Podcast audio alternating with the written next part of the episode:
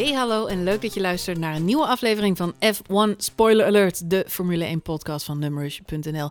Mijn naam is Marjolein en ik zit hier zoals altijd met Johan. Hey, hallo. Hoi, hoi. Hallo. Hoi. We hebben gekeken naar een race, Ik, ik ben even bezig met een crowdfunding actie op te zetten. crowdfunding actie. Ja, voor de taakstraf van Max Verstappen. Oh. ik moet zeggen, ik sprak net iemand die zei, ik heb op nieuws gehoord dat Max Verstappen een taakstraf heeft gekregen. Ja. Zo, dat, dat is dus wat beeldvorming in de media doet. Hè? Dus de, de mensen die geen Formule 1 volgen, die denken nu dat eh, Max Verstappen binnenkort papiertjes moet prikken in het Vondelpark. Hij staat nu op gelijk hoogte met een blokkeervries, inderdaad. Ja. Maar god. Nou, het zou, ik, wat, wat denk je wat hij moet gaan doen? Ik denk dat hij gras moet gaan maaien langs het circuit of zo. Nee joh. De, Sebastian Vettel heeft ook een taakstraf gehad en die moest voorlichting geven voor eh, jonge mensen. Nou, dat lijkt me over leuk. de VIA en Formule 1 Met andere woorden, safety. Max, Max moet terug naar school. Goed, je hoort het al. We gaan het hebben over de Grand Prix van Brazilië. Wat mij betreft, één, nou, misschien wel de mooiste race van het jaar. Minus één klein minor detail. Mhm. Ik weet niet hoe jij vanochtend wakker werd. Ik heb gisteren geen, geen slok gedronken. Alcoholisch bedoel ik dan. Mhm.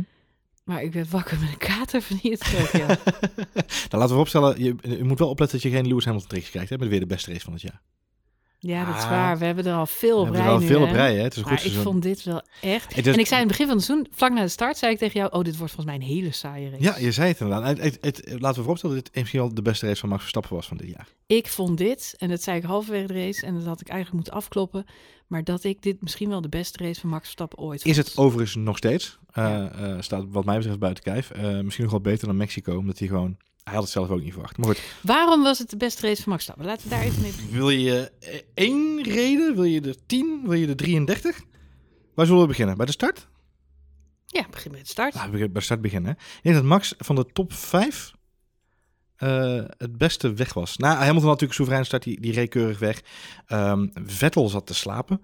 Maar Max had gewoon een hele goede start en was, had een slimme start.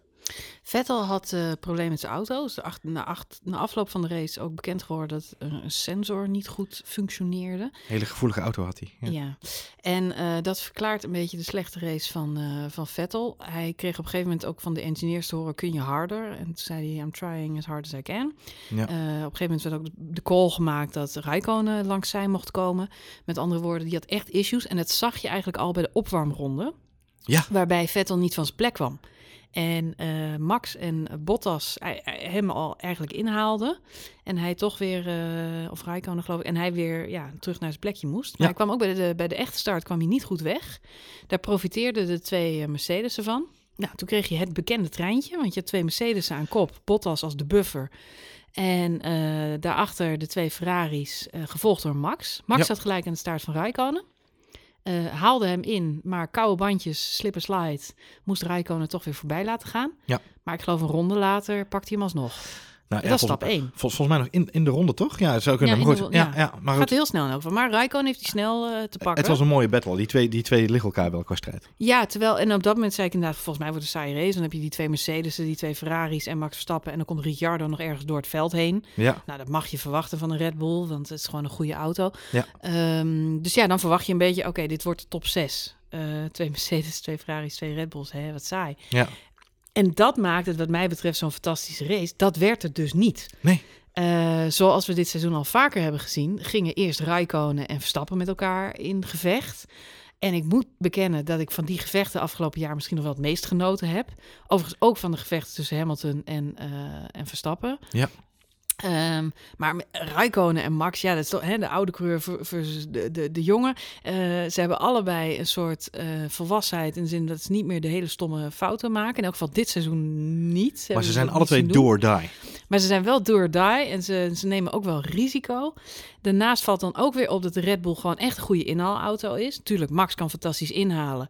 Ehm, maar hij komt er wel eh, weer, weer lekker omheen. En dat zie je daarna bij Bottas ook. Want Rijkonen die zit heel lang vast achter Bottas. Ja. Terwijl Rijkonen toch echt wel een goede coureur is. En, Ja. eh, en Bottas natuurlijk dramatisch slecht reed. Klopt. Deze, deze Grand Prix. Nou ja, beide Mercedes hadden natuurlijk gewoon. Ik weet niet, eh, jij zegt uh, het werd heel onvoorspelbaar.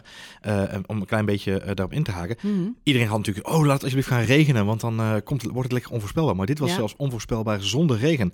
Want op basis van de vrije training en op basis van de kwalificatie had iedereen zoiets van: nou ja, eh, Ferrari gaat deze wedstrijd winnen. En, en Mercedes wordt 3-4 waarschijnlijk, omdat ze de snelheid ook niet helemaal 100% hebben. Dat was de verwachting. Maar wat we eigenlijk zagen, zes auto's, die Ja. elkaar, zes coureurs, die aan elkaar gewaagd waren. en dat daar, is- hoop, daar hunkeren we al zo lang naar. Om gewoon, we zeggen al, het hele seizoen zeggen we al, oh, zat Max maar in een Mercedes, dan zou hij met twee vingers in zijn neus wereldkampioen worden. En gisteren dacht ik voor het eerst, zat hij maar in een Red Bull. Want dan kan hij, kan hij met twee vingers in zijn neus wereldkampioen worden. Hij had gewoon een betere auto en hij had een betere race dan Lewis Hamilton gisteren. Hij had een betere race dan iedereen. Klopt. En hij, eh, zijn inhaalacties waren eh, fantastisch. Maar zijn auto was ook top. En dat heeft hij zelf na afloop ook nog een paar keer gezegd. Strategie, briljant. Ja. Pitstop-strategie. Want ehm, we zagen de Ferraris en de Mercedes allebei opnieuw worstelen met de banden. Ja, klopt. Hadden allebei weer issues. Wel alle twee andere bandenstrategieën. Dus eh, Mercedes en eh, Red Bull stonden op dezelfde bandenstrategie. Eh, Ferrari had gekozen voor een alternatieve strategie. Eh, maar wel, dus met met Mercedes zaten ze in principe in dezelfde strijd. Nee, ze gaan allebei naar de witte band. Zowel Mercedes als... Jawel, maar ze beginnen alle twee. Dus Ferrari is op andere banden begonnen. Ja, eens. Klopt. Maar allebei vroege pitstops. Zowel Ferrari als Mercedes. ja, toch maar dat, vroege maar, stops. maar dat was tegen de verwachting in. Omdat Ferrari dus inderdaad op een hardere compound gestart was. Hadden ze de verwachting dat Ferrari langer zou doorrijden. Uiteindelijk moest Ferrari veel vroeger naar binnen. Want Vettel eh, kwam volgens mij een rondje... Eerder. 25. Eerder dan de Mercedes. Ja. Ja, rondje 25. Ja. Ehm, eh, en ehm, eh, volgens mij was toen Hamilton al wel geweest, toch? Maar, want Hamilton maakte zich op dat moment al zorgen over... die had een undercut gedaan. Maar die maakte zich op dat moment al zorgen over Max Verstappen. Want die had toen al een Ja, gat. en dat, en dat moet ik zeggen was voor mij een van de hoogtepunten van de race. Dat, eh, we hebben het er al heel vaak over gehad. Maar eh, Lewis Hamilton maakt zich op dit moment eigenlijk nog maar over één coureur druk. En Ja. dat is Max Verstappen. Klopt. En dat eh, zag je gisteren. En daar, ja, nou goed, dat is voor mij. Laten we het eerst gewoon deze podcast positief met positief nieuws beginnen. Max Verstappen reed gisteren een race zoals hij die zou moeten rijden als hij op weg is naar het wereldkampioenschap. Ja, nou deze race moet hij dan 20 keer herhalen. Qua soevereiniteit en qua rust. Ja, maar dit is gewoon. maar dan, dit is maar gewoon, dan word je wereldkampioen. Ja. Ja, en, en er zat inderdaad soevereiniteit, eh, soevereiniteit er zat, er zat een zelfvertrouwen in. De, de inhaalacties waren perfect eh, uitgevoerd. Ik heb net Ja. een interview gelezen met Jacques Villeneuve. Nou, zelfs Jacques Villeneuve zegt dat Max Verstappen inmiddels eh, een begenadigd en heerlijke coureur is. Nou, dus Jacques Villeneuve die zegt dat niet zo snel. Nee, en wij hebben het ook het algemeen zo'n hele hoge pet van de zak Jacques. Nee, maar je goed. moet Jacques niet te serieus nemen. Nee. Maar goed, Jacques is van mening, zo formuleerde het, dat hij sinds Monaco, Max, eh, sinds Monaco heeft hij al het goede van Ricciardo overgenomen. Ricciardo heeft eigenlijk, eh, is dat kwijt. En al het goede wat Ricciardo heeft, heeft Max nu ook. In combinatie met het, het ruwe talent wat hij al had. Ja, ik weet niet hoe dit, het is allemaal Oh. vertaald, hè. Maar, eh, en, dat, en dat is nu de, de volledige package Max. En dat is ja, echt een, eh, een, een hele goede package. Dat is eigenlijk wat Jacques Villeneuve zei. Klinkt een En beetje verder als, zei hij dat eh Esteban Ocon een volslagen idioot was. Dus zo kennen we Jacques Villeneuve ook weer. klinkt een beetje als Jacques Villeneuve in de heksenfilms gedoken is voor zichzelf. En uh, betoveringen gespeeld. Misschien heeft hij een, Dis- een Disney binge gedaan. Nou, van het één ding had hij zeker gelijk. en Dat is dat Esteban Ocon een volslagen idioot is. Hey, eh, we zijn even, eh, eh, want ik zit even te kijken in mijn, eh, in mijn notities van gisteren. Want ik heb hier keurig mee zitten krabbelen. eh zover ik het kon. Maar het, wat mij opvalt is dat Max in, in, dus in tien ronden Mhm, zit hij achter Lewis Hamilton. mhm. Ehm, eh, rijdt hij op de tweede positie. En dan zien we achter Max ehm, eh, de Bottas-trein. Of eigenlijk de Bottas-Polonaise heb ik het genoemd, ontstaan. Eh, waarbij wij ons afvroegen, staat er hierbij, reed hij nou zo langzaam in opdracht? Ja. Of, of was die auto gewoon zo slecht? Nou, Want het ging natuurlijk Ja. ook om het constructeurskampioenschap, hè? Ja, Nou ja, of- over, of, of drie was Bottas zo slecht. Nou, dat zou ook nog een optie kunnen zijn, ja. Want ik vermoed wel, eh, ik, vermo- ik zat eigenlijk op dat derde spoor. En op zeker moment dacht ik, is dit dan weer een strategietje om de Ferraris buiten het podium te houden? Mhm. Eh, dat kan natuurlijk. Maar goed, ik begreep achteraf dat het feit dat Lewis Hamilton aan kop reed en de race gewonnen had, was al genoeg om dat constructeurschap toch veilig te stellen. Ja, klopt. Dus eh, ik denk niet dat Bottas echt aan het ophouden was. Ik denk echt dat Bottas niet harder ging. Nee. Eh, en de Ferraris gingen ook niet heel erg lekker. Vettel had een probleem. Nou, Rijkonen hebben we het vorige podcast uitgebreid over gehad. Die zag ook na afloop op podium in de persconferentie uit. Alsof je gisteren ook carnaval had gevierd ergens in Brabant. Ehm, dus eh, die, ja, die reed een aardige race, finished op het podium. Maar Ja. volgens mij, ehm, Kimi, die is echt eh, toe aan vakantie. Of Ja. met één been al op vakantie. Ik, denk, ik, denk, ik denk dat hij voor de helft al inderdaad in de club staat. Ja, dus maar in elk geval komt hij niet voorbij aan Bottas. Ehm, In eerste ja. instantie, uiteindelijk wel natuurlijk. maar ja, ik, eh, Hamilton valt ook gewoon tegen. Want eh, dat zien, we zien eh, de, de grading op die banden. Die banden gaan heel slecht. Ze moeten naar binnen, dan gaan ze naar witte banden. En het enige wat, wat ik dan zit te doen, duimen, duimen, duimen. Kan Max zo lang mogelijk door. Op een gegeven moment staat ze op 35 ronden. was ongeveer de helft van de race. Had hij nog niet gepitstopt. Gepit. Klopt. Eh, en gaat hij naar binnen en krijgt hij gele bandjes. En dan Ja. weet je eigenlijk dat het goed is. Want die gele bandjes die zijn eh, Sneller. sneller. Ja. Eh, hij komt dan wel achter Hamilton weer de baan op. Drie seconden. Drie seconden Ja. zit hij erachter. Maar het mooie, ja, het mooie is gewoon dat Hamilton... zit- Die maakt zich gewoon druk over Max Verstappen, jongens. Die zit gewoon over de boordradio van... How's, my, how's the pit window to Verstappen? Ja. En eh, where is on, on the track? En hij maakt er daar sappel over. Nou ja, dan eh, ziet hij gelukkig... Hè, die Red Bull zit dan wel achter hem. Maar ja, binnen twee, drie rondjes gaat hij eraan. vier ronden, ja, ronde 40. Wordt hij gewoon ge- ja, ingehaald. Ja. Fair and square. Maar ook met overmacht inderdaad. Gewoon Door echt Max Verstappen. op het rechte stuk, eh DRS'je in een open. betere auto, Ja. in een betere raceflow. En in alle opzichten, ja, nou ja, magistrale in. Hij, hij haalt niet de minste in, hè? Hij Nee. haalt twee Ferraris en twee Mercedes in en hij rijdt op kop. Nou ja, en, Mooier. eh, Weet je, eh, laten we vooropstellen, even- hij heeft hij- gisteren drie wereldkampioenen ingehaald. Ja. Eh, Ja, maar we, we zien hem nog winnen in Barcelona. Hè? Waarom? Omdat de twee Mercedes naast de baan vliegen. Klopt. En van die lucky shots heeft hij het dus nu niet meer nodig. Als hij een auto heeft waarin hij eh, zo goed kan zijn, dan is hij de nieuwe wereldkampioen. Dan Ja. is hij dit. En dit was gewoon in alle. Nou ja, Magistraal. ja, een van de mooiste races van Max Verstappen Ik ooit. zit, ik zit ook even te kijken naar de, de gemiddelde snelheden van de auto's. Mhm. Eh, en natuurlijk een van de dingen die, die de Red Bulls natuurlijk heel erg missen is, eh, is snelheid op het rechte stuk. Daar verliezen ze Mhm. natuurlijk een heleboel op. Maar als je kijkt naar de gemiddelde snelheid in de race gisteren. Lewis Hamilton finishte eerste op 1 seconde en eh 400ste van, van Max. Eh 1,4 seconden. Ehm, met een gemiddelde snelheid van 210,85 km per uur. Max rijdt ook gewoon 210, 526. Dus dat verschil is marginaal. Eh Ri- eh, Räikkönen en Ricciardo zitten ook op de 210 km per uur. Daaronder heb je dan eh, Bottas en Vettel met 2,9 en 2,8. Dus het verschil, dat, dat verschil in snelheid, is toch ergens teruggewonnen. Ja, en het verschil zie je ook. Jij noemde net Ricciardo. Kijk, Ricciardo die moest natuurlijk eh, een paar plekken achteraan eh, starten. Dus die moest van verder komen. Maar eh, doet hij goed, haalt goed, goed het achterveld weer in. Zit eigenlijk vrij snel weer bij die top 6. Ja.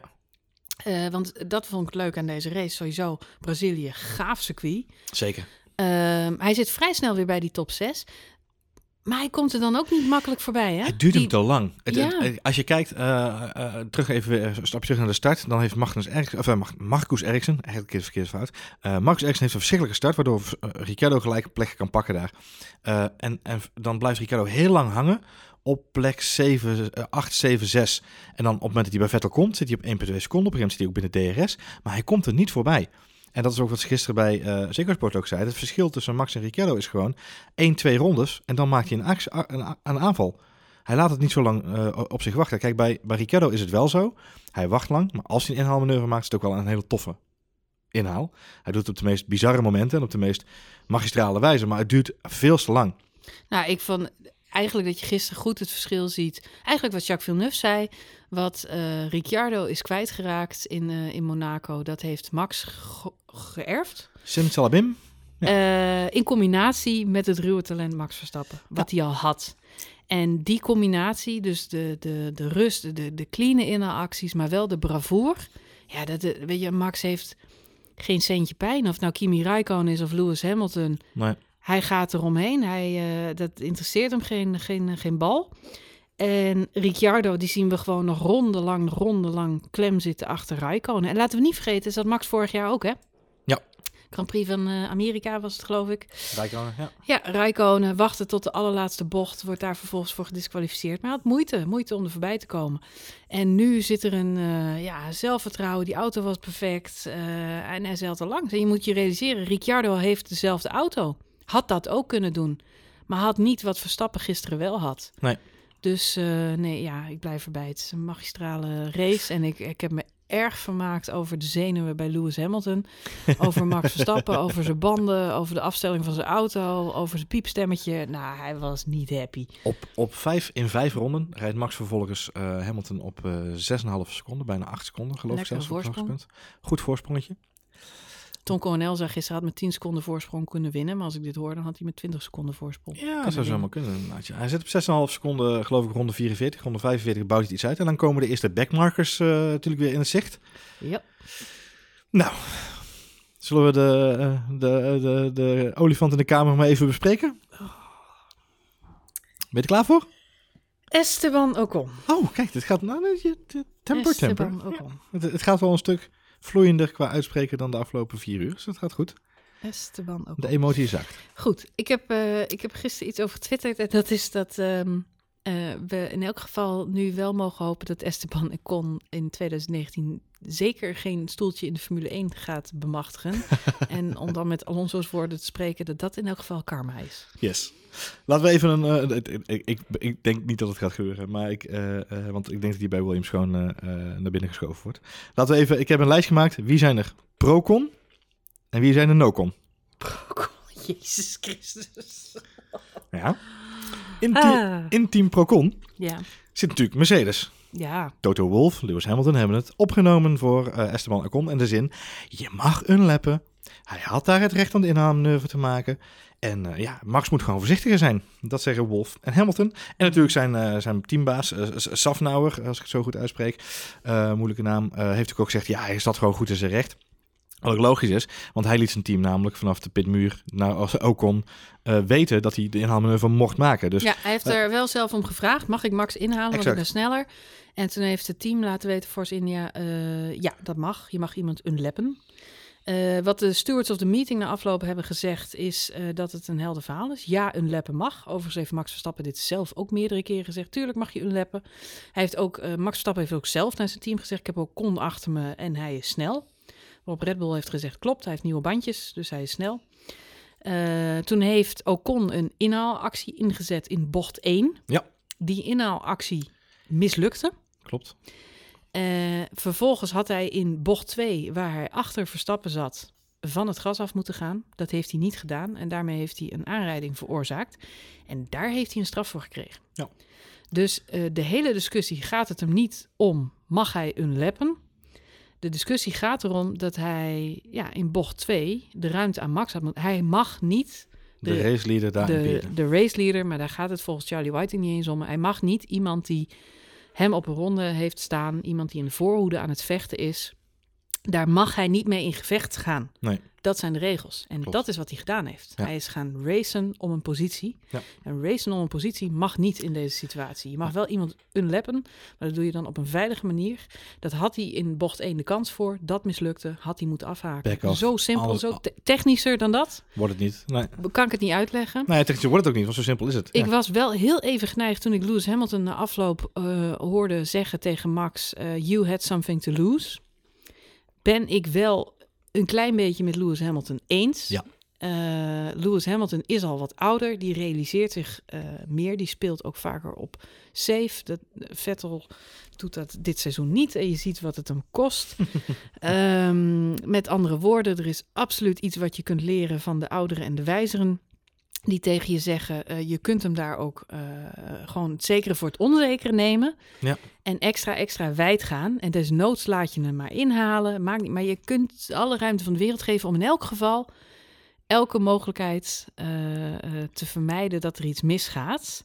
Lewis Hamilton heeft ook nog uitgebreider gezegd. Hij zegt, you can never enter a corner with the assumption dat er niemand, dus de aanname dat er niemand in je binnenkant Nee. duikt. Ja, dat ja. mag je nooit doen. Hm. Dat is, ja, dat is, assumption is de the mother of all fuck-ups. Ja. Nou ja, dat, dat is Nou ja, wel het- wat Max hier deed. Hij ging ervan uit, hij is ervan uitgegaan dat Ocon van het gas zou gaan. Ocon maakte fout. Fout ligt nog steeds bij Ocon.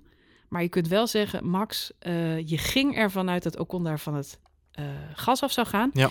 We hebben achteraf heel veel beelden terug zien komen. Die twee mannen kennen elkaar natuurlijk uit de Formule 3 en allerlei andere raceklasses waar ze ook al regelmatig met elkaar in de clinch lagen.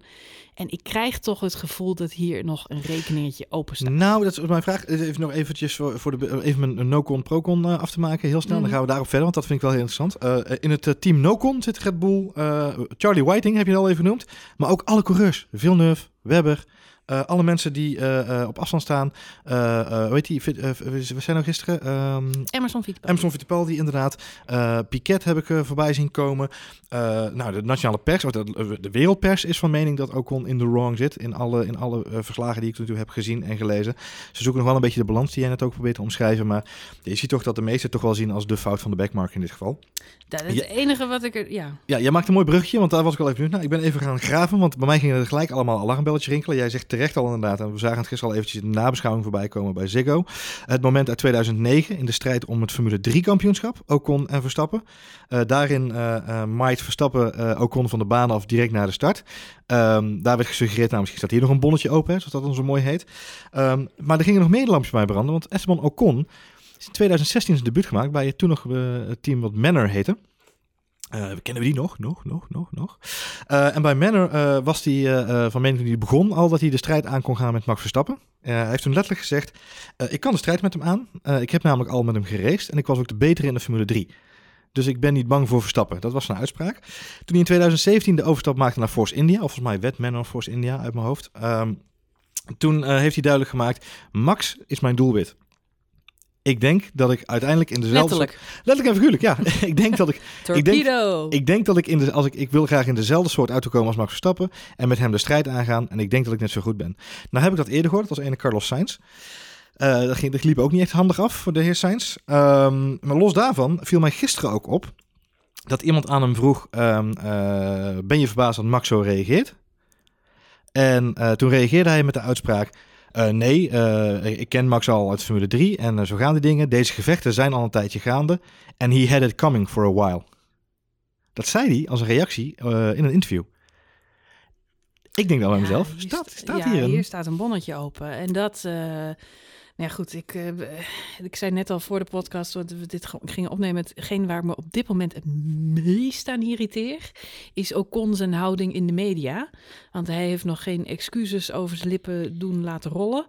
hij is ook absoluut niet van zins eh, om dat te gaan doen. Nee, Hij zegt geen sorry, hij vindt het eh, onzin.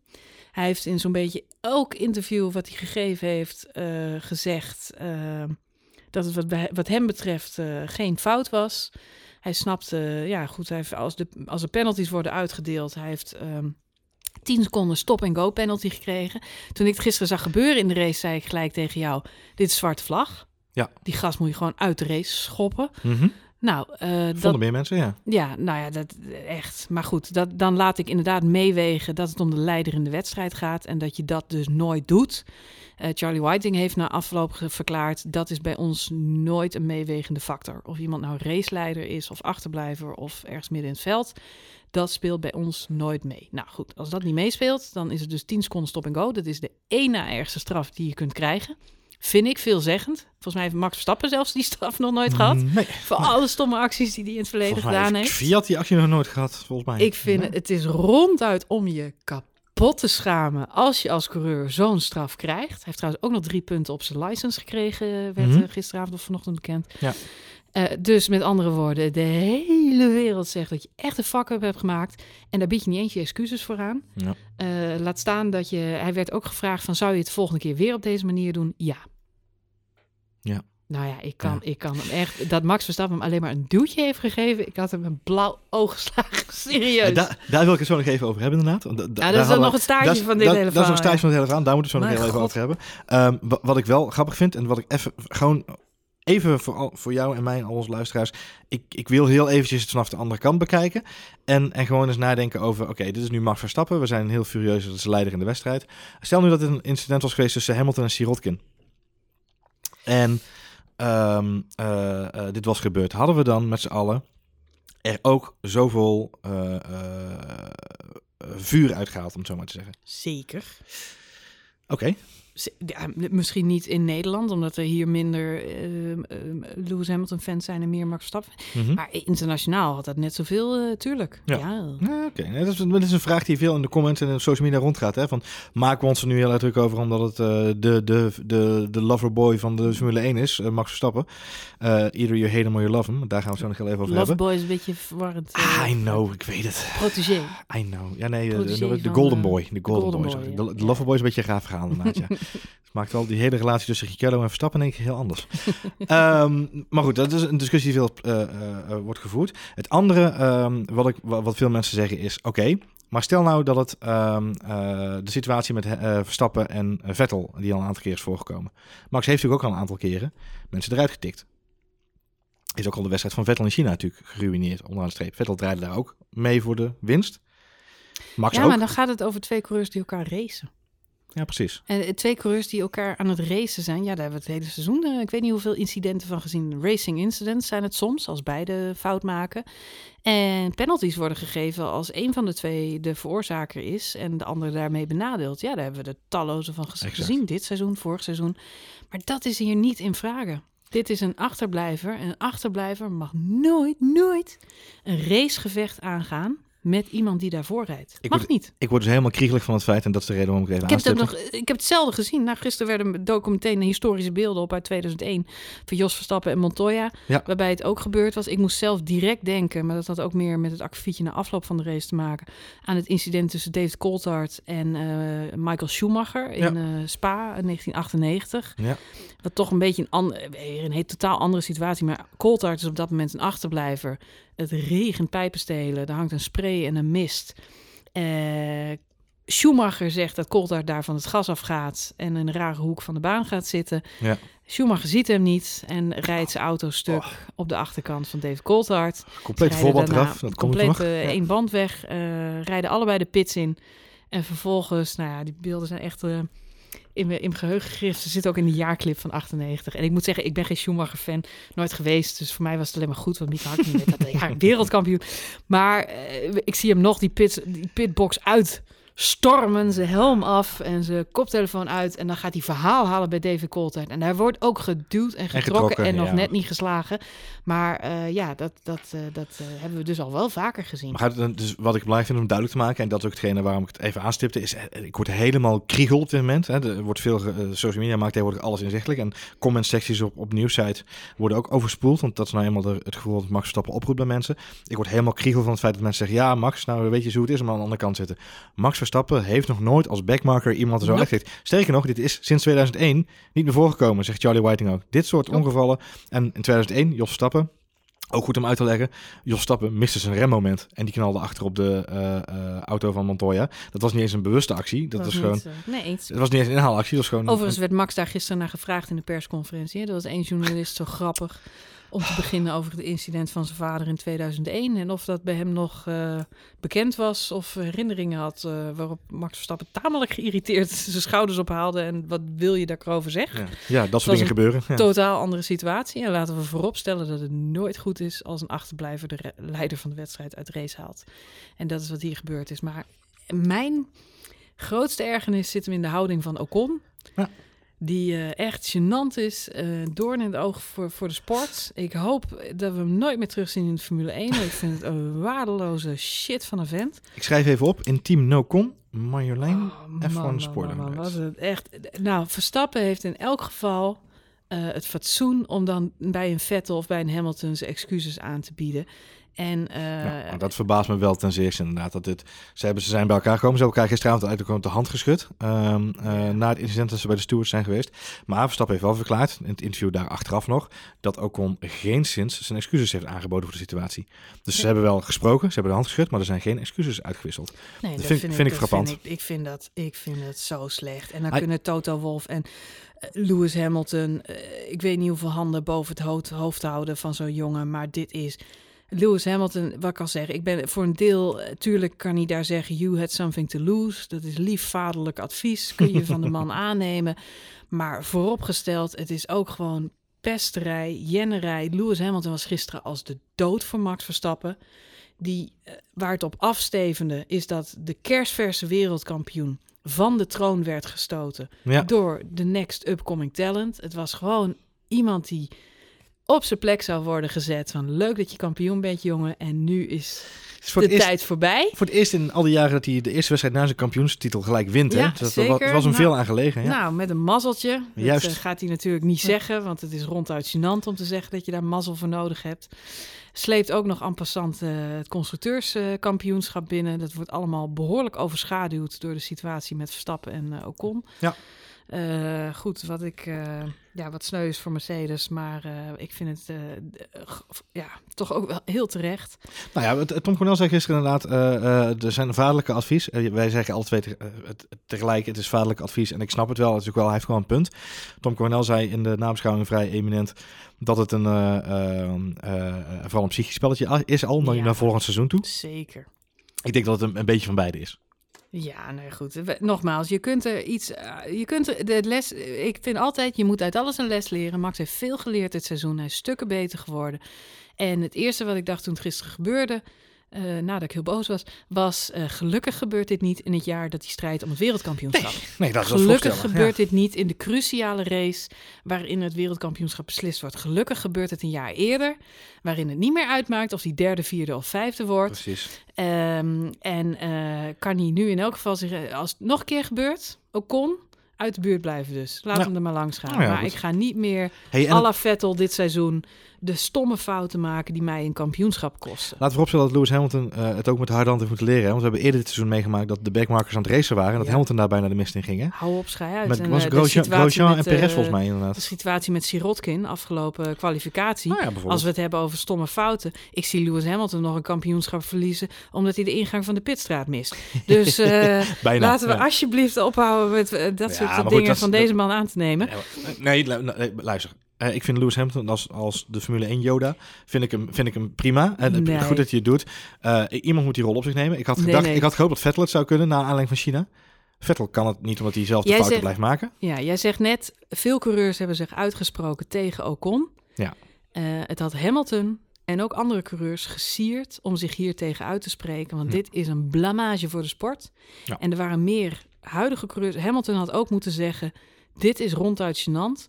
Eh, dit had nooit mogen gebeuren. Eens. En Max Verstappen is hier van zijn overwinning beroofd. En in plaats daarvan zegt hij, het is je eigen fout. Nou, dat is kinderachtig. Ja, nee, goed. En dat had hij ook tussen neus, dat had hij ook backstage kunnen zeggen. hey Max, je had er ook iets van kunnen leren. Nee, in elk interview heeft Lewis Hamilton benadrukt. Max had het ook anders kunnen doen. Je had ook kunnen zeggen, je had Ja. in elk geval één keer kunnen zeggen. Ocon nam daar onnodig risico. En als het is- mij was overkomen, was ik furieus geweest. Maar dat is het politiek spel. Toto Wolf hetzelfde. Dat is het politiek spel. Dat is het politiek spel Ja, bij teams hoort, helaas. Eh, eh, en helaas heeft Ocon een, een, een krabbeltje gezet onder contract bij Mercedes ooit. Ehm, ik vermoed, wat ik al zei in het begin van de uitzending, ik vermoed dat ze uiteindelijk alsnog hem gaan stellen bij Williams. Toevallig had ik afgelopen week de Formule 1 podcast van eh, eh, Formule 1 zelf, Beyond the Grid, terug zat te luisteren met, eh, met Claire Williams daarin. En als ik hoor hoe ze daar eigenlijk tegen, tegen de muren aanlopen van frustratie, omdat ze gewoon geen racetalent in huis hebben. We zagen het ook deze week weer met Stroll en Sirotkin. Ja, weet je, het is met, met alle liefde. Ze hebben het overigens wel de kwalificatie goed gedaan nog. Sirotkin en, en Stroll. Maar uiteindelijk in de race valt het dan er ook weer gewoon vies tegen. Even Ehm, vooruitlopend op, volg- op, op de toekomst, want dat is dan wel een interessante discussie. Eh Ocon wordt inderdaad eh, van gezegd dat die dat nou 2019 is nog niet zeker, maar zou dan eventueel Williams kunnen zijn. We merken nu ook weer dat hij bij Mercedes dus echt eh, een potje kan breken. Want dit was een behoorlijk groot potje. Ja. Maar Toto Wolf gaat er wel voor staan. Dit is een behoorlijke luxe mantel der liefde. We hebben het in het verleden ook al vaak gehad. Wat gaat Max doen naar Red Bull? Mhm, mhm. Eh, wij achten de kans nog altijd groter dat dat een Mercedes of een Duits team wordt, dan dat dat een Ferrari gaat worden. Ik vind het heel moeilijk. En weet je waarom? Eh, dat heeft te maken met een ander stuk. Ocon en Verstappen in één team is na gisteren de, de alleronmogelijkste optie ooit.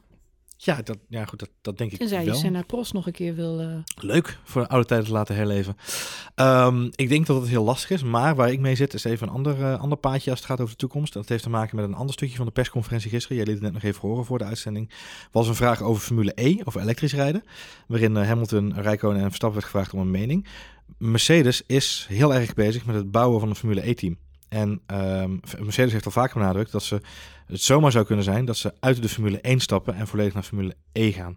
Omdat elektrisch rijden, zeker voor fabrikanten, voor fabrieksteams, uh, de, de link met uh, benzineauto's uh, wordt steeds minder commercieel interessant. Dus voor de sponsor Mercedes Mhm. is het heel erg moeilijk om zoveel geld te blijven stoppen in een sport waarvan ze in de consumententak, waar ze natuurlijk uiteindelijk de winst vandaan moeten halen, ehm, eh, geen, geen energie meer gaan stoppen. Eh, vanaf 2022 geloof ik gaat ook bij Mercedes bijna alle eh, auto's voor een deel of volledig over naar elektrisch.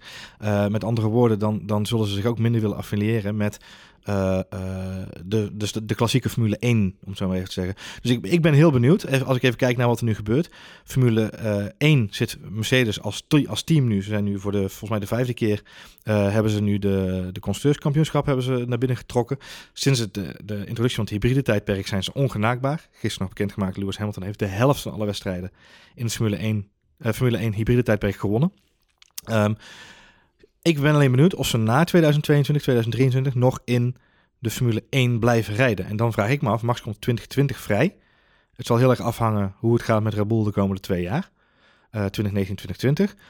Als ze met Honda die stappen kunnen maken, zou het mij niet verbazen als hij daar kan blijven plakken, om zo maar Mhm. zeggen. Zou ik heel gek vinden als hij als hij daar ineens zou vertrekken. Ehm, en als hij dan zou vertrekken, dan is de vraag of hij vanaf 2022 nog terecht kan bij Mercedes, ja of nee. Ik heb, ik heb, eh, het is een gevoel, hè? het is geen, niet gebaseerd op nieuws of feiten of onderzoeken of bronnen die ik heb ergens. Maar als je ziet dat eh, eigenlijk alle fabrikanten heel kritisch kijken naar ja, hoe willen we ons eh, positioneren, de, fabriek, de fabrieksteams, ja, is het heel opvallend. Kijk, Renault is ook uiteindelijk nu met Nissan naar de Formule E gegaan. Eh, eh, maar dat is ook een afweging die ze maken. Renault, eh, Renault Nissan is één fabriek. Dus die fabrieksteams zijn allemaal aan het kijken... wat moeten we met dat elektrisch rijden... en hoe gaat het afwegen... en waar gaan we de budgetten heen stoppen. Dus ik, ik weet niet of er überhaupt nog een Mercedes 1 team is tegen die tijd. Nee, dat, dat, dat is de vraag. En of Esteban Ocon er dan nog bij is. Dat is de volgende vraag. Dat, dat weet je natuurlijk nooit. Maar goed, op dit moment moeten we even uitgaan van de grote drie. En dat zijn eh, Mercedes, Ferrari en, eh, en Red Bull. Ik, denk, ik ben blij dat eh Max in elk geval nu bij Red Bull blijft. Nou ja, jij, zei, jij zei dat Max nooit naar Ferrari zou kunnen. Nee, ik, nou ja, we hebben het veel over Ferrari gehad afgelopen seizoen. En Ferrari Mhm. is een team waar de emoties heel hoog liggen. Ja. En de politiek natuurlijk ook. En we, we zien Vettel daar dit seizoen toch een beetje onder bezwijken. Hoe, eh, hoe hoog die druk is, dat realiseren we ons volgens mij aan de buitenkant niet. Eh, vorige week was ik in Lissabon en daar heb ik eh, Nico Rosberg een aantal keer zien spreken. Hij gaf daar drie presentaties. Ik heb ze allemaal bijgewoond. Was heel erg leuk. Hij stond echt voor mijn neus. Waren en het drie dezelfde of drie en, verschillende? Drie verschillende verhalen. Hij zat, in, drie- hij zat in twee panels en één interview. Maar hij heeft het drie keer volgehouden. Ja, hij heeft Dus ook hij- een vlogje gemaakt. Dus hij was daar vaker dan dat hij wereldkampioen is geworden. Dat is een goede. ja, Goed heeft gedaan, hij Nico. goed, hij. Normaal gesproken Hij is ook na, investeerder. Hè? normaal gesproken zou ik na Allerlei één goede prestatie die afgehaakt zijn. Ja, nee, klopt. Ja. Maar goed, hij, eh, hij zei er een aantal eh, interessante dingen. Eén was dat hij verwachtte dat Lewis Hamilton in elk geval wel door zou gaan met, eh, met Formule 1 nog de komende jaren. Omdat hij toch echt wel voor het Schumacher-record wilde gaan. Nou, nog twee te gaan. En het andere wat hij daar vertelde, want het was een panel dat ging over eh, management en leiderschap. Dus toen vertelde hij eh, de nodige anekdotes over Toto Wolf. En waarom hij Toto Wolf zo'n fijne manager vond. En dat had hem er onder andere mee te maken dat er binnen het team nooit een voorkeur werd uitgesproken. Dus er was geen sprake van hiërarchie. In elk geval niet aan het begin van het seizoen. Dat had Rosberg niet door in ieder geval. Nee. Dat had Rosberg in elk geval niet door. Ehm, met andere, nee, maar goed, het zit hem natuurlijk wel in de, de, de leadership skills van zo'n teamleider. En als je iedereen is erover eens, Toto Wolf komt over als een amabele fans die echt passie voor de sport heeft. Die zit te juichen als de beste coureur wint, wie dat dan ook is. Ehm, dus ik geloof wel dat hij in de basis iedereen dezelfde kansen geeft. Ferrari, totaal andere wereld. Eh hiërarchie, eh, afspraken die vooraf eh, vaststaan. Eh, eh, teambelangen, eh, de, de kleur rood belangen, Italiaanse belangen. Vooral de Italiaanse vlag, ja. Italiaanse mama's belangen. Ik weet niet waar ze daar allemaal eens van hebben, maar daar, daar, daar, daar speelt, daar leeft van alles. En de enige die daar echt, nou ja, fantastisch mee om lijkt te gaan tot nu toe is Kimi Räikkönen. Ja. Want ja, die maak je de kop gewoon niet gek. Nee, dus die, die, die is daar gewoon compleet helemaal wars van. Een ander succesverhaal was Michael Schumacher. Michael Schumacher was iemand die en een, gewoon een fantastisch coureur was, maar ook een ontzettend goede teamplayer. Ja. Iemand die iedereen enthousiasmeerde, iedereen betrok. Eh, ja, echt heel dat team voor hem om hem heen kon laten rallyen. Heel duidelijk een nummer twee aanwees. Dat was Barrichello. Dus Barrichello was ook in dienst van Schumacher. Eigenlijk iedereen was in dienst, maar hij gaf wel iedereen de credits, de schouderklopjes die ze nodig hadden om dat voor hem te blijven doen. Ja. Hij maakte de auto steeds beter en werd uiteindelijk vijf keer wereldkampioen bij het team. En zo werkt het. Nou, Ja. dat zien we Hamilton eigenlijk precies hetzelfde doen nu bij Mercedes. Dus ook, je kunt ervan vinden wat je wil, maar het is een joviale gast die veel deelt met, eh, met, met andere mensen. Dat moet je kunnen. Dat is ook leiderschapstalent. Nou, Vettel heeft dat niet, Kimi Räikkönen heeft dat ook niet. Dus op dit moment bij Ferrari zitten ze een beetje... Kan Max Verstappen dat? Weet ik niet. Ik Nee. weet niet of Max het kan. Maar als ik zie hoe ze coureurs Hij gisteren is nu voor nog jong. Ja, maar de coureurs gaan, of de coureurs, de monteurs gaan wel voor hem staan. Eh, eh, gisteren ook. Ze zijn echt authentiek blij en, en ze juichen ook echt voor hem daar. Dus dat... Het is wel, ja, je moet wel een zekere mate van eh, extra vakantie, extra versie hebben Hmm, hmm. om, om dat te kunnen trekken. En Vettel, Vettel is dat niet gelukt. Ik betwijfel of het hem volgend jaar nog gaat lukken. Nou ja, het moeilijke daar is dat daar een, eh, een, een, een eh, ik zou weer- bijna wil zeggen een loverboy. Een, een, eh, er komt een wonderboy bij daar, Leclerc. En ik ben heel erg bang dat de monteurs al heel snel, zeker de monteurs die voor hem aangelezen worden, dat die toch heel snel daarna gaan leunen. En dat er toch een stapje extra wordt gedaan om die, om die ruwe ik bolster dat- tot een ik- diamant Ik te denk dat brengen. Leclerc het zwaar krijgt hoor. Zeker, qua politiek sowieso. Laten we dat vooropstellen. Ik denk niet dat hij daar de voorkeur van de twijfel krijgt als hij binnenkomt. Voordeel van de twijfel.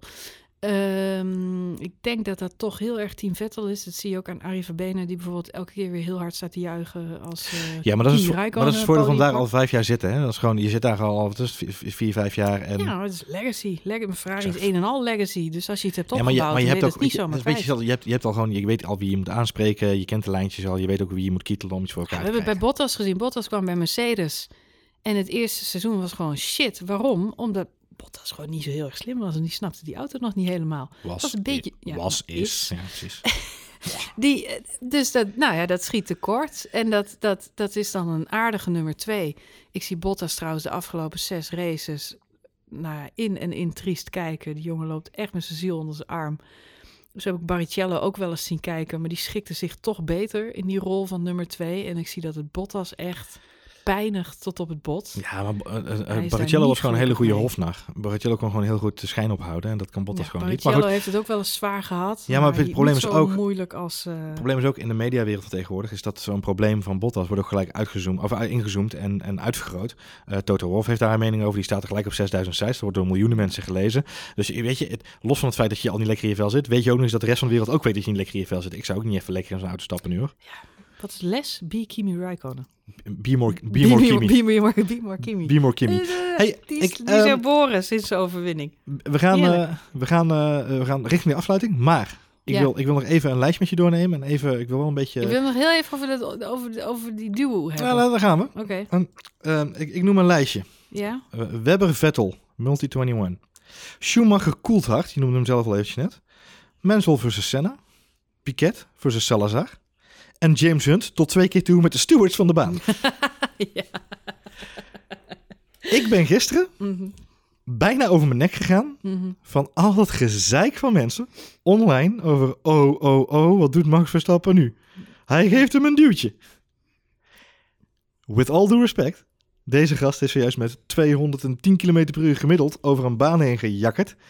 Is zijn overwinning afgenomen. De adrenaline zit, denk ik, tot boven het, het Jezusbeeld in, in Rio de Janeiro, zo'n beetje. Ehm, ik kan me zo voorstellen dat hij echt kookte van woede. Uh, over de boordradio is ook geroepen uh, uh, in je cooldown lab, pak je kalmte. Waarop Max ook heeft gezegd, laat ik hem maar niet tegenkomen in de, in de paddock. Um, heb wat begrip voor de situatie, mensen. Dit, is, dit hoort bij deze sport, toch? Of ben ik nou... Het hoort bij elke sport. Ik heb nog nooit een sport zitten kijken waar niet af en toe mensen uh, met elkaar de confrontatie opzoeken. En we hadden gisteren hier ook een discussie over dat ik zei van ja, in vrouwensporten zie je het volgens mij wel wat minder. Nou ja, Vrouwen zijn goed, misschien van zichzelf wat minder geneigd om, eh, om de vuisten te ballen, zeg maar. Nou, ik denk dat het ook wel gebeurt, maar op een andere manier. Maar ja, nou, neem voetbal, jongen. Hoe vaak wordt er wordt elke drie seconden getrokken, geduwd en gedaan. En ik weet het, voetbal is een Tuurlijk- contactsport, een tuurlijk is hele een andere, sport, ja. hele andere sport, snap ik echt wel. Maar waar adrenaline, waar eh, gewoon winst en verlies dicht bij elkaar ligt, komen emoties boven. En, bij, en dat, dat is af en toe fysiek. En nou, serieus, als dit alles is waar we het over moeten hebben, het feit dat er, dat er een beetje geduwd is. ehm, ja, Ja. Ik denk, ik, ik sluit me heel erg aan bij eh, Christian Horner. Ik, ik ben, ik moet denk dat ook om blij moet zijn dat ik niet met een blauwe ogen de paddock uit is gelopen. ja, er waren meer mensen die dat gezegd hebben. Ik, ik, Jacques ik, Villeneuve zei het ook, hè. ja. Ja, nou, als je wel op, op een keukentrapje moeten gaan staan als iemand een dreun had willen het verkopen. Villeneuve was niet zo groot. Jacques de Zak. Maar goed. Nee, ik, nogmaals, ik, eh, eh, ik, ik je gisteren al, ik ben eh, ooit in de sport ook dat we van een coach te horen kregen, je mag minder, minder juichen, minder, naar, minder bezig zijn met het extra vechten. Dat hoort bij de sport, dat zit in je. Dat is niet iets wat je kunt remmen. Max is een, een, iemand die met passie race, het is een racer, het zit in hem. Je kunt dat niet bekoelen op dat moment. En ik denk dat als Hamilton zou in een situatie hebben gezeten, zou hij ook frustratie hebben gehad. Het enige verschil wat ik me kan voorstellen, is dat Hamilton dan, omdat hij op dit moment zo verschrikkelijk zen is, dat hij één is met de aarde, dat hij daar dan misschien minder explosief mee omgaat, dat hij langer wacht voordat hij de confrontatie aangaat. Want wat niet verstandig is, is inderdaad. Hamilton heeft gewoon voor een PR-tactiek gekozen. Maar bedoel- de, de race in zijn schoot geworpen gekregen, kampioenschap binnengehaald. Die dacht, ik moet hier een draaier geven. Maar ik bedoel, Vettel is er ook gewoon een keer verhaal halen. Eh, Ja, joh. eh, met die met Baku vorig jaar. En het doen volwassen mannen? Die bieden dan hun excuses aan en die praten het uit. En daar ben ik boos over. En daarom snap ik Verstappen ook helemaal. Het feit dat Ocon lachend heeft gereageerd. Max is verhaal gaan halen met, wat doe je nou? En vervolgens is Ocon in de lach geschoten. Zo van, ik heb niks gedaan. Nou, serieus. Als je nog geen dreun verdiend had, dan had je hem dan wel. Het hoort, het hoort toch gewoon bij de sport. Nou, het- ik, nogmaals, de, we hoeven, er wordt ook meteen van alles bijgesleept over, over zijn vader. Daar komt die jongen nooit meer vanaf. Eh, het slaat dat- ook helemaal nergens op. dat inderdaad. is eh, de, ze- ze- ze- de molensteen om zijn nek. Daar gaat hij van zijn leven niet meer los van komen. Laten we Max nou alsjeblieft als een, als een los individu zien. Ik heb inderdaad al talloze coureurs met elkaar een beetje zien duwen en trekken. Dat hoort al heel lang bij de sport. En om dan even het verhaal af te maken, want dat vond ik echt hypocrisie ten top. Ja. Formule 1 F1 heeft gisteren zelf het filmpje verspreid op social media van Ja. dit incident. Ja. En vervolgens krijgt Max Verstappen een taakstraf van twee dagen binnen de FIA. eh, is een vanwege, voorbeeld. ja. vanwege het slechte voorbeeld. En dan denk ik, nou ja, Alles voor de kliks. Nou, maar dat kan toch. Nou, eh, eh, tenminste, van voetbal kun je zeggen, als er een streaker op het veld komt, draait de camera weg. Ja. Waarom? Ze willen herhaling voorkomen, dus de persoon krijgt geen aandacht. Nee. Als jij vindt dat Max Verstappen een slecht voorbeeld is voor de sport en je wil niet dat de opstootjes en vechterijen zijn, moet je ze ook niet zelf uitzenden. Nee. En dat is wel wat ze gedaan hebben. Ja, dat is hypocrisie. Dus ik hoop dat er ook een social media manager op matjes is geroepen. Hey, maar laten we, laten, we, laten we samen Maar over eens. vast niet. Vast niet, nee. Misschien die, misschien die social media manager van Mercedes. Ze, ze hebben er toch profijt van. Ze hebben toch profijt van dit Nou, soort... maar Dit dat is is- toch emotie? Ja, is We zitten alleen maar naar mannen in een auto te kijken met een helm op. We zien helemaal niks. Het is een van de meest moeilijk te peilen emotiesporten die er zijn. Want we zien geen gezichtsuitdrukkingen, we zien geen handgemeen. Ze zijn alleen maar... eh, enige wat we zien is crashes. Nou, dan zie je emotie. Dan zie je, weet je, het zijn al allemaal robots in die persconferenties. Hier hebben ze alleen maar profijt van. Het is goed voor de sport. Maar welke, ik bedoel, elke, Goed voor de kijkcijfers. elke generatie, ik bedoel, elke mensel heeft toch een Senna nodig? En elke heeft toch een Schumacher?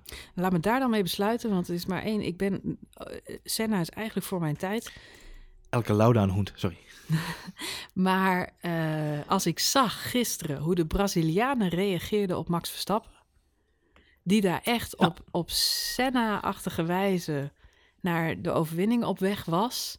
En vervolgens inderdaad emotioneel laat merken hoe boos hij is dat een of andere maloot, en het is een maloot, die zijn excuus niet wil aanbieden, hem daarvan ontneemt en, en, en hem, hem daarvoor ter verantwoording roept. Ja. Ik denk dat de Brazilianen een nieuwe volksheld hebben. En ik denk, En ik denk niet dat dat Lewis Hamilton is. en ik denk dat Lewis Hamilton daar stiekem best een beetje van baalt. Want iedereen wil de volksheld in Brazilië zijn. en ik, en ik denk, ben ik met je eens, en zeker als het je groot voorbeeld is. En ik denk, ook onderaan de streep, als ik kijk naar de reacties nu op sociale media, in de comments van verschillende sites, als ik mensen in de pers hoor, als ik geschreven stukken lees, ik denk dat we nu op het punt zijn dat Max ook qua perceptie, qua waar je staat, is het Senna. Je houdt van hem of je haat hem. Maar hij heeft wel het kaliber.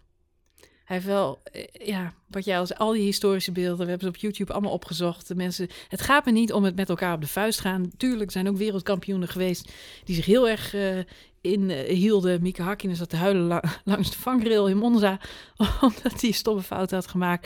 Er zijn ook hele lieve wereldkampioenen geweest. Eén Maar- of twee, ja. Ja, nou ja, goed. Laten we vooropstellen dat die vaak maar één of twee keer wereldkampioen zijn geworden. De echte, de echt grote der aarde. Ja, daar zat toch wel een soort van killermentaliteit en heel veel emotie. Ehm, en Max, ik vind in alle opzichten, hij heeft het gisteren keurig opgelost. Hij heeft zich ingehouden, hij heeft nette persconferenties gegeven. Hij heeft Ocon een pussy genoemd. Kimi Räikkönen moest hard lachen. voor, Kimi's, voor doen dan, hè. Ja, precies. Ehm, Schaterlachend was dat inderdaad, ja. ja, hij moest grijnzen. Ik heb daar heel erg om gelachen. Maar eh, nee, in alle opzichten is, is, is Max echt een politiek correct mens. Die zich heeft ingehouden. eh, die uiteindelijk ook nog zelfs een hand heeft gegeven. Eh, nou, kom op. Dat vele Vettel, die was, die was echt vele malen verder gegaan, denk ik, in wat hier gebeurd was. Dan wat Max gisteren heeft laten zien. En ehm, ja, en, en, en net wat jij zegt, dat is authenticiteit. Daar houden mensen van. En dan kan Lewis Hamilton honderd keer daar rondlopen met zijn Senna-helm en zijn Senna-ode op zijn helm. En uh, oh, voor de people of Brazil. Maar ik denk niet dat gisteren hij de harten gestolen heeft van het volk daar. En ik denk dat Max dat wel heeft, niet door op Senna te willen lijken, maar gewoon door hetzelfde racehart te tonen. Mooi afsluiter. We gaan naar de laatste wedstrijd alweer. Doen we een updateje Je tussendoor? moet het positief uit het negatief halen. Oh, nou, eh, dankjewel Joda. Nee, tot, zover de, tot zover de Dit podcast was Joda. toch gewoon een kater, maar het was een fantastische race van Max Ik Verstappen. ga, even, ik ga nu even een tegeltje laten maken als je het niet erg vindt. deze, komt, deze komt naast je bureau te hangen. Let me vast op. Alsjeblieft niet. Maar goed, ehm, Op naar Abu Dhabi. oh, de allerlaatste race van het seizoen. Ik vind het zo jammer. Ja, en tegelijkertijd is het wel tijd dat we naar die Oh. Honda toe gaan. Dus ik ben er eigenlijk wel, eh, wel klaar voor. Ja, iedereen is lyrisch over die nieuwe Honda-motor. Tom Coronel zegt dat het fantastisch is. In, aanvankelijk... eh, Want Tom heeft er namelijk al meerdere rondjes mee gereden. Dus die, eh, eh, nou ja, die kent natuurlijk wel wat meer mensen binnen. Ja, die dus, dus, bij dus schijnen dingen te spelen. Eh, er werd heel voorzichtig gedaan. 2019 zou een leerjaar worden. En nu verwachten ze toch echt al wel grote stappen te kunnen maken. Maar, Dus, eh, om weer even terug te grijpen naar mijn Claire Williams ervaring Mm. eh, eh, deze week. Als je, als je nog een beetje deprimerende afsluiting wil hebben van je Formule 1 week, moet je zeker even Claire Williams gaan luisteren. Eh, die opent eh, haar podcast met ik kan niet wachten tot de vakantie is. En dan kunnen we beginnen met een nieuwe auto. En zij zegt ook, we kunnen volgend jaar wel vijf seconden winnen. Maar als de rest van het teams dat ook doet, dan zijn we nog geen stap verder. En daar zit wel een realiteit in. Kijk, voor Williams is het een hele harde realiteit met zeven punten ondergaan in het constructeurskampioenschap. Maar weet je, het is goed dat die voortgang er is bij eh, Honda. Maar je moet wel even afwachten waar Mercedes en Ferrari mee eh tevoorschijn komen dadelijk in februari. Dus Vind jou en Claire een beetje conservatieve... ah, eh, nee, ik vind nee, ik vind nee, weinig positief. Nee, geen, geen zin. Geen zin. Nee, maar geen zin. En meer dat ik gewoon, ik ben, ik ben, ik, ik, ik zit op een puntje van mijn stoel. Maar er blijft in mijn achterhoofd zoiets knagen. Ja, maar bij Mercedes gooien ze volgend jaar gewoon weer 300 miljoen euro tegenaan. Ja, tegelijk zeg jij dat Mercedes over een paar jaar uit de Formule 1 stapt. Zou zomaar eh, kunnen, ja. Dan zit je gewoon bij een dood team. Dan Ja. kun je wel Bottas en Ocon zijn, maar dan heb je gewoon het verkeerde paard gewet. Ik denk op je het weet het niet. Op het moment dat Bottas en Ocon je team zijn, ben je sowieso een doodteam. Ja. Hashtag no Ja, goed. Eh, we hebben nog één Grand Prix te gaan. En ik vind het echt, echt jammer. Ik vond het tot nu toe, ja, van 2018 fantastisch seizoen. Sinds Monaco, wat een heerlijk seizoen. Ja, zeker, zeker voor de Max Daarvoor, Verstappen-fans, daarvoor ja, ja. ook al, maar zeggen, voor ja. Max Verstappen-fans is het toch wel echt iets veranderd na die eh, race op Monaco Zeker. die verloren werd. daar is een knop omgegaan. Ja. Daar is een knop omgegaan en dat zegt hij zelf nu ook in interviews. Eh, hij is beter geworden door het rustiger aan te doen. En eh, dat is een genot om naar te kijken. En ik heb echt het gevoel dat we naar de volgende racelegende aan het kijken zijn. Alleen is de vraag wie hem gaat challengen. Nou, we hebben deze week gezien dat is eh, Esteban Ocon. Dat is eh, Lewis Hamilton. Dat zal volgend jaar helaas niet meer Kimi Räikkönen zijn. Alhoewel ik dit seizoen nog echt genoten heb van de battles tussen Kimi en Max. ja, zonde hè. Nou, je weet het niet. misschien mag Vettel nog meedoen volgend jaar. Dat weten we ook nog niet. Bottas zal het in elk geval zeker weten niet zijn. Nee joh. Die heeft daar helemaal niks te zoeken. En we hebben natuurlijk een nieuwe teamgenoot bij Red Bull. Gasly. Ja. Dus dat wordt ook nog heel eh, spannend. Nou, dat zie ik niet eh, spannend worden. Nee. Want die eh, gaat hij in nummer 2 rijden van Max, denk je? Ja, dat wordt een tweede. Dat wordt, Ja? dat wordt Max Wingman, ja. Gisteren 12, 13e geëindigd, hè. Brandon Hartley is boven Gasly geëindigd gisteren. Terwijl Gasly hoger startte. Nee, Gasly heeft een snelle auto. Ze zijn overigens precies daartussenin zit een Renault. Dus je het hebt over de Honda Renault vergelijking.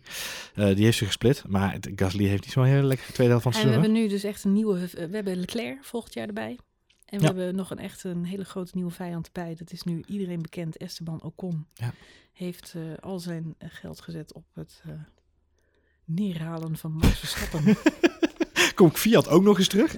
Oh ja, die komt... Jongen, En dan krijgen we Gio- 2019, Gio- jongens. Giovinazzi bij Sauber. En dan krijgen we Attack of Max. Lando Norris nog bij, eh, bij eh, eh, Williams ook. Nou, dat wordt, dat wordt nog wat, hoor. ja, goed, maar het is, het, het is natuurlijk ook logisch, want hij is niet meer de rookie. Hè? Max is nu de routinier. En er zijn gewoon mensen die aan zijn stoelpoten gaan zagen. Dat zijn jongens waarmee hij gereisd heeft in andere klasses. Die kennen hem, die hebben geen respect of geen ontzag voor hem. Zag je wel aan Ocon. Interesseert ze geen malle moer wie, eh, wie, wie dat is of dat hij aan, de, aan de leiding rijdt. Nee, klopt. En eh, die gaan gewoon, eh, ja, die gaan er gewoon kaart in met een tackle. Volle gas. Doen we een updateje tussendoor? Abu Dhabi? Abu Dhabi is er twee weken tussen, toch? Ja. Nou, dan doen we nog een updateje tussendoor. Wel even het kijken, die, nieuws. even kijken hoe die saga zich ontwikkelt ook, hè, nu. Ja, benieuwd hoe het verder gaat. Vanavond zit Max Verstappen volgens mij nog bij Ziggo Sport in een uitzending. Pep- dus ik ben benieuwd ja. of hij vannacht in het vliegtuig nog een beetje tot Nagedacht rust is heeft. gekomen. Ja, precies. maar ik hoop dat het... Het was wel goed te zien om, hoe Ricciardo weer eh, vrolijk was deze Nou, week. zijn snor stond weer een beetje omhoog, ja. Precies. Dus eh, ik, moet, ik heb heel hard gelachen. Als je nog niet hebt gezien, moet je het even opzoeken. Eh Ricciardo presteerde het om de telefoon van een van de social media medewerkers van ehm, Mercedes te rippen. Mercedes af te pakken. eh, vlak voordat de driver parade begon. Dus hij weet die, dat toestel te snatchen en staat vervolgens met Alonso en Stoffel vandoor en nog een paar andere coureurs geintjes te maken op, op de vrachtwagen waar Ja. ze over het circuit rijden. Ik heb hem gisteren getwitterd. Het ziet, het ziet ook dat Mercedes hem uiteindelijk zelf gepost heeft, hè? ja, ze hebben hem gewoon online Ja, gezet. dus dat hebben ze Hartstikke leuk. Mercedes, toch nog een kleine knipoog naar Mercedes van Daniel Ricciardo. Hmm, Mm, mm. Over twee jaar, je weet het niet. Hmm, hmm. Nee, joh, Renault wordt nooit meer wat. Goed, dit was eh, de Grand Prix van Brazilië. Het was een hele bijzondere race die we niet snel zullen vergeten. Ehm, ja, hier hebben we het over 15, 20 jaar nog steeds over. Dit is een puntje, stukje, is, eh, stukjes met één. Dit is, eh, dit is weer zo'n beeld ja. wat in je geheugen gegrift wordt. Net zoals Schumacher Coulthard 98. Absoluut. Bedankt voor het luisteren. Eh, heel graag tot de volgende aflevering. Eh, we maken tussentijds nog een update. We komen nog één keer terug met de race. En in de winterstop hebben we ook nog wat leuke plannen, toch? Ja, joh. Moet er wel even werk van gaan maken, eh, Marjolein. Ja, we moeten even berg gaan. Even, even, Ja. even aan de slag. Mocht je willen reageren, kan dat via Twitter Ed Marjolein. of naar Johan Voets. En heel graag tot de volgende aflevering van F1 Spoiler Alert.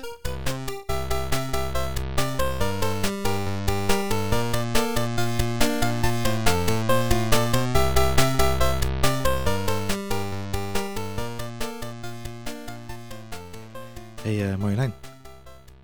Heb je meegekregen dat eh ons eh, pannenkoekenpannetje trending was op Twitter? Trending. Toverwoord voor deze week is potje pokon.